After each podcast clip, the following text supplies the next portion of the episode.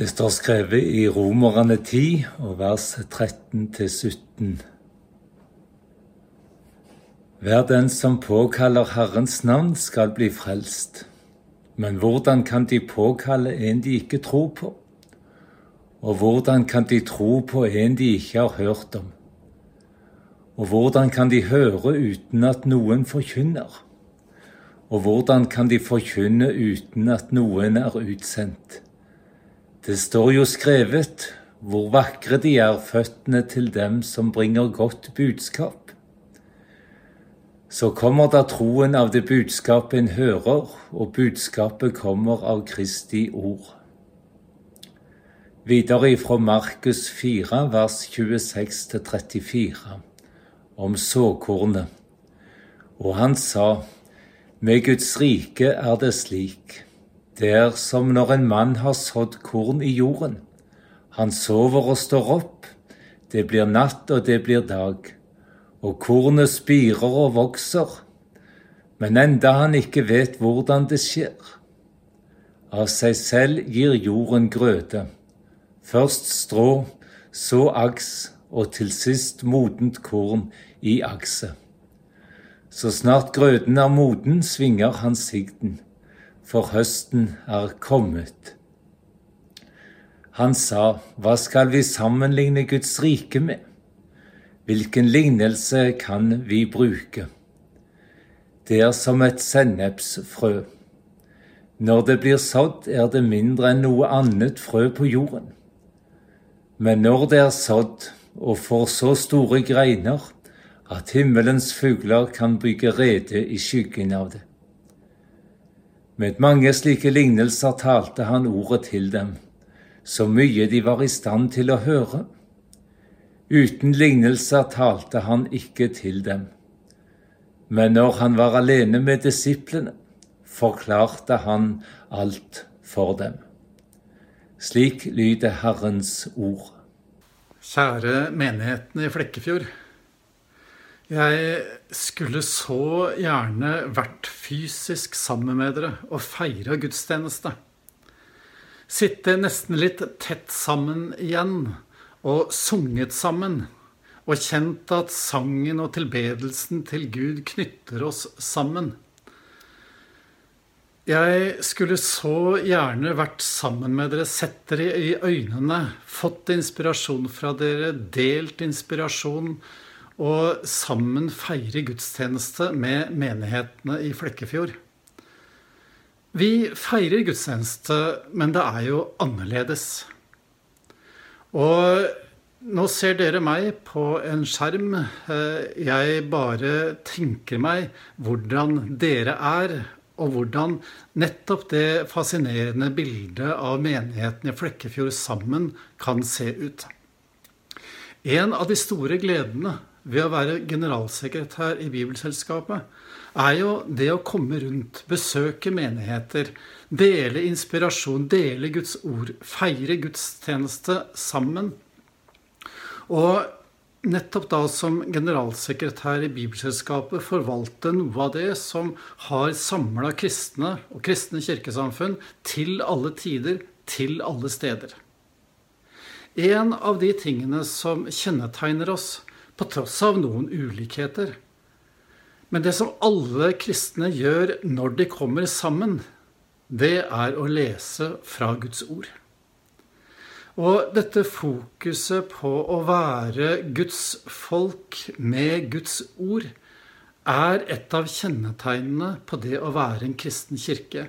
Vi ble tidlig i antikken kalt bokens folk.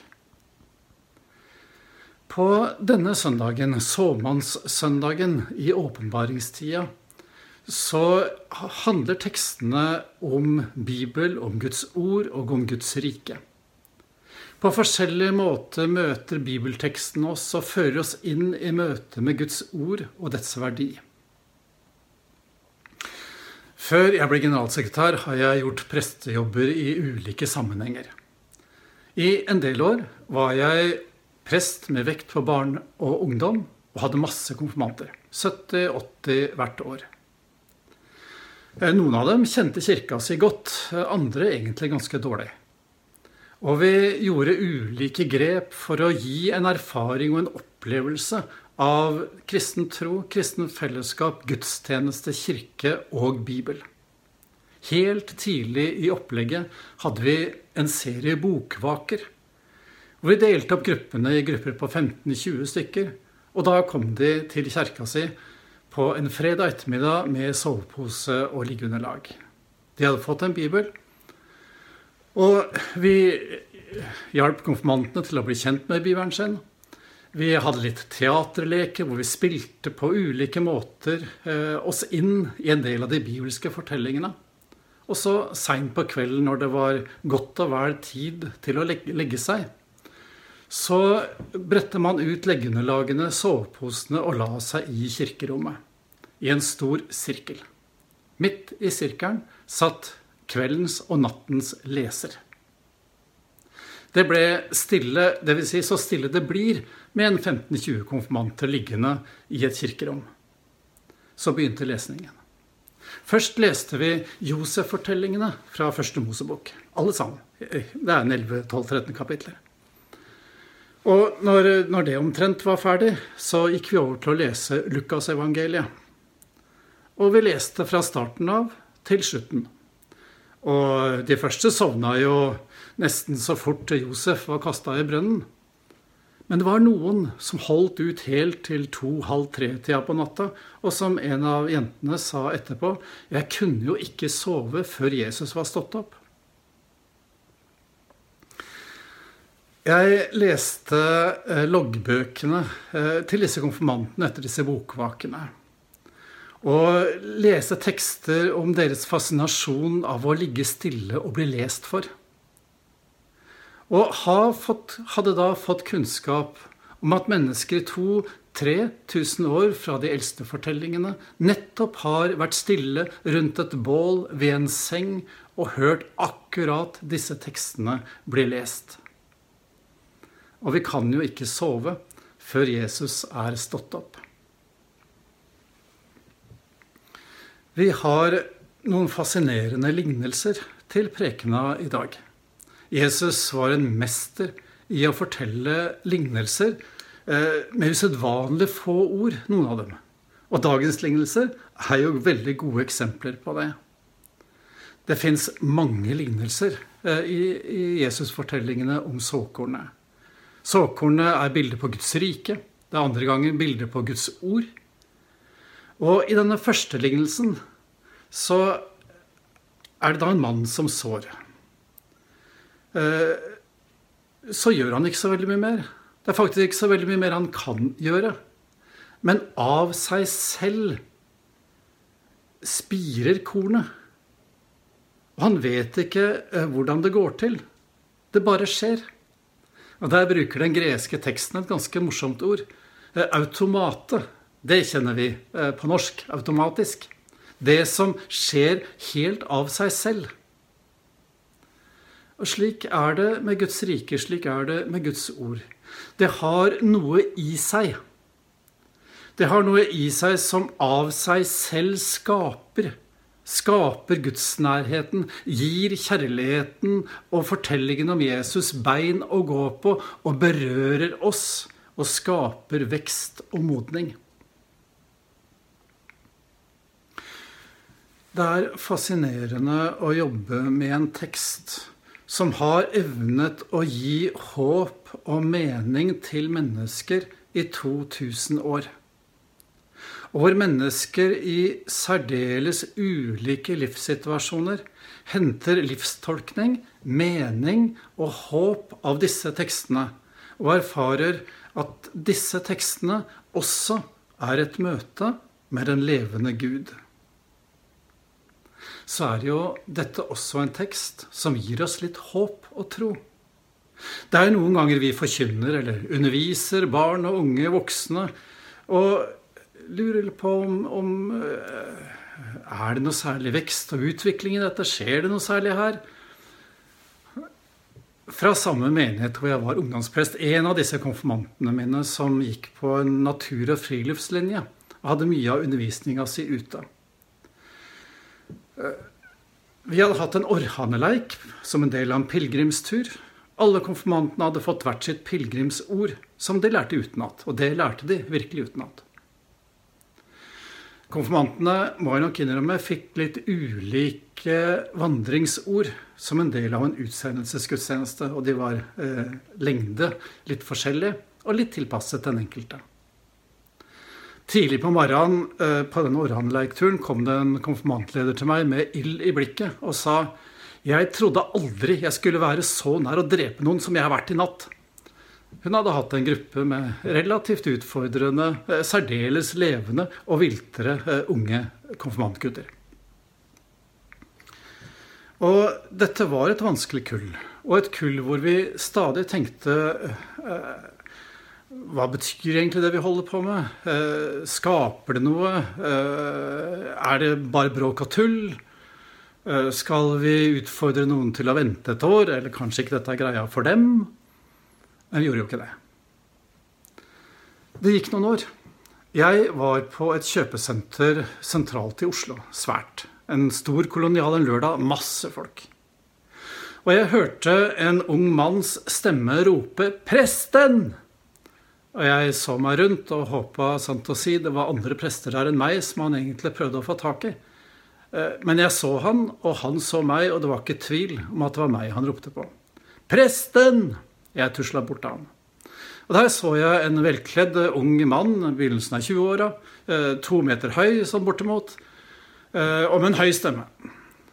Og jeg ante ikke hvem denne unge mannen var. Vi kom i snakk. Og han sa du, Paul Erik, den konfirmantundervisninga, den var jævla bra.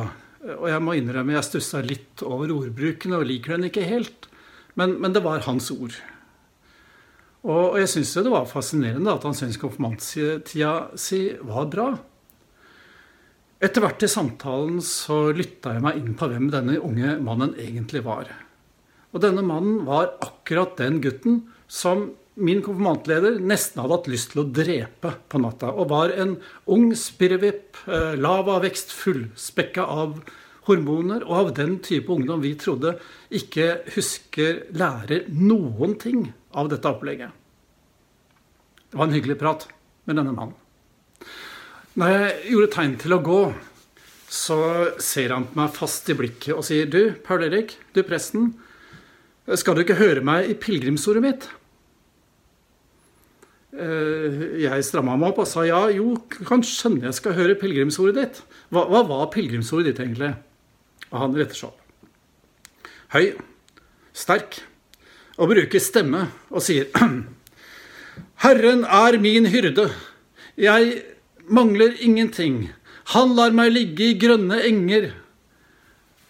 Hele Salme 23 kom med høy stemme og han hadde hele salmen utenat. Han var av de gutta som hadde fått en litt lang tekst å jobbe med.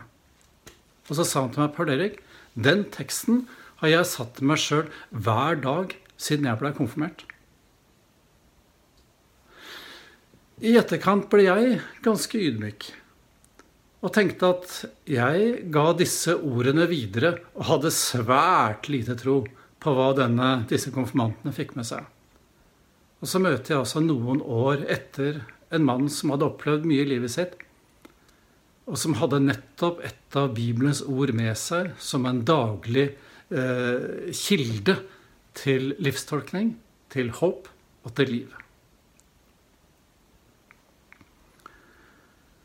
Den andre lignelsen i dagens evangelietekst tenker jeg at de som hørte den, har humra og undret seg. Fordi det å lage lignelser om Guds folk og Guds rike med hagens og, markens vekster, det var kjent. Da brukte man, og vi ser jo mange av disse tekstene i den bibelske fortelling, da brukte man gjerne sypressen eller sedertreet, disse store, høyreiste, mektige, praktfulle trærne som synes overalt med tykke stammer, svære greiner og verdifulle. Trær man bygger templer av. Når Jesus så sier at Guds rike er som et av jordens minste frø Det går 650 sennepsfrø på ett gram. Eh, og bruker det som bilde på Guds rike, så visste jo tilhørerne at eh, sennepsbusken det er en busk vi ofte ser på som en, eh, en vekst vi helst ikke ønsker. Det er en dugressplante. Den vokser langs veiene vilt, og den er et skjul for himmelens minste fugler. Og det er så typisk Jesus å snu folks bilder av ting litt på hodet, for på den måten å få fram eh, et sentralt poeng. Og mens folks bilder av Guds rike var det mektige, det store, det praktfulle, det høyreiste, så peker Jesus på en ugressplante som gir ly for de minste. Og jeg tenker, for et fantastisk bilde på Guds rike.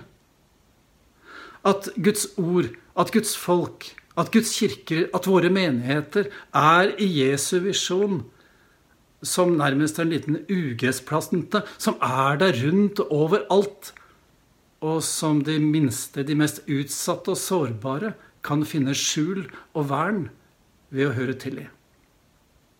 Så er det plutselig et sterkt diakonalt perspektiv i denne sårbarheten kornslignelsen og i sennepsfrølignelsen. Slik er Guds rike. Det er en gammel tradisjon å ta vare på Guds rike, ta vare på Guds ord som en liten skatt som man repeterer, lærer utenat eller bærer med seg. Den eldste av de bibelske håndskrifter som fins i Norge, den fins i oldsakssamlingen til Universitetet i Oslo. Det er en liten papyrusbit. Eh, ikke store greia. Veldig sammenbrettet. Og har noen få vers på den ene siden, noen få vers på den andre siden. Det er fortellingen om han som så ut som en menneskesønn fra Daniels bok. Og det er versene rundt i Matteus 11 hvor Jesus sier, 'Kom til meg, dere som strever og har tungt å bære, og jeg vil gi dere hvile'. Forskerne antyder at dette ser ut til å ha vært skrevet som en sånn tekst man kan brette inn i en amulett og skjule eller bære med seg som en skatt. Fragmentet heter Papyrus 62 Oslo Ensis på fagspråket og dateres til 300-tallet etter Kristus. Hvis du tenker litt gjennom hva vil være dine skatter, hva har du med deg fra en bibel, fra en bibelfortelling, fra din livs- og troshistorie, som er som en sånn liten skatt du kan holde litt fast i, og tenke at her er det noe som kan spire og gro i mitt liv? Det er jo en lang tradisjon at vi smykker våre hus med sånne identitetsbærende kjennetegn, et kors, et Kristusbilde, eh, eller et annet symbol på det som er viktig for oss. Vi lever i en tid hvor det er usedvanlig mange eh, ting som preger oss, som vi har rundt oss, eh, som vi ser på skjermer. Pass på at det fins noen ting i ditt liv som har denne det man stadig ser på, det man stadig husker på, som en sånn liten kilde av en skatt. Et bibelord, kanskje? Eller en tanke, eller en bønn, som på en særlig måte er noe du kan ta med deg, som blir en del av din viktige livsfortelling. Det er kraft i Guds ord. Vi er en privilegert generasjon som ikke bare må gå et annet sted for å høre noen lese fra Bibelen. Bibelen har jo egentlig først og fremst blitt et allemannseie til eh, først på et godt stykke ute på 1800-tallet. Mens nå kan vi gå eh, Vi kan slå opp i en digital bibel og lese Guds ord. Vi kan kjøpe den til en, en grei pris på en bokhandel, eh, eller kanskje på et menighetskontor. Tenk hvilken fantastisk skatt vi omgir oss med.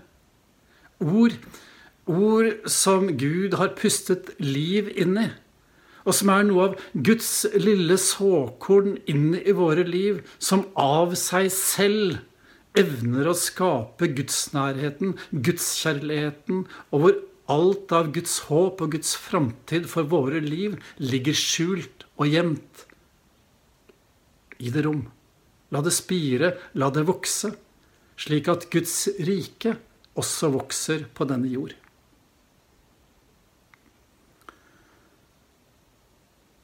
Det er et privilegium å jobbe i et bibelselskap som da nettopp forvalter det kristne til alle tider gjør og har sammen. Det skjerper oss til å se litt til sidene fra alle de viktige diskusjonene kristne eh, kan kjøre med hverandre, som vektlegger uenigheter og det som skaper litt, litt avstand oss imellom. Men det er noe som er felles for, for oss alle. Det er ord blåst inn av Gud, og som evner å spire og gro og snakke med oss, slik at håp og fremtid, Guds håp og Guds framtid, skapes og formes i og gjennom oss. Ære være Faderen og Sønnen og Den hellige ånd, som var, er og blir en sann Gud fra evighet og til evighet. Amen.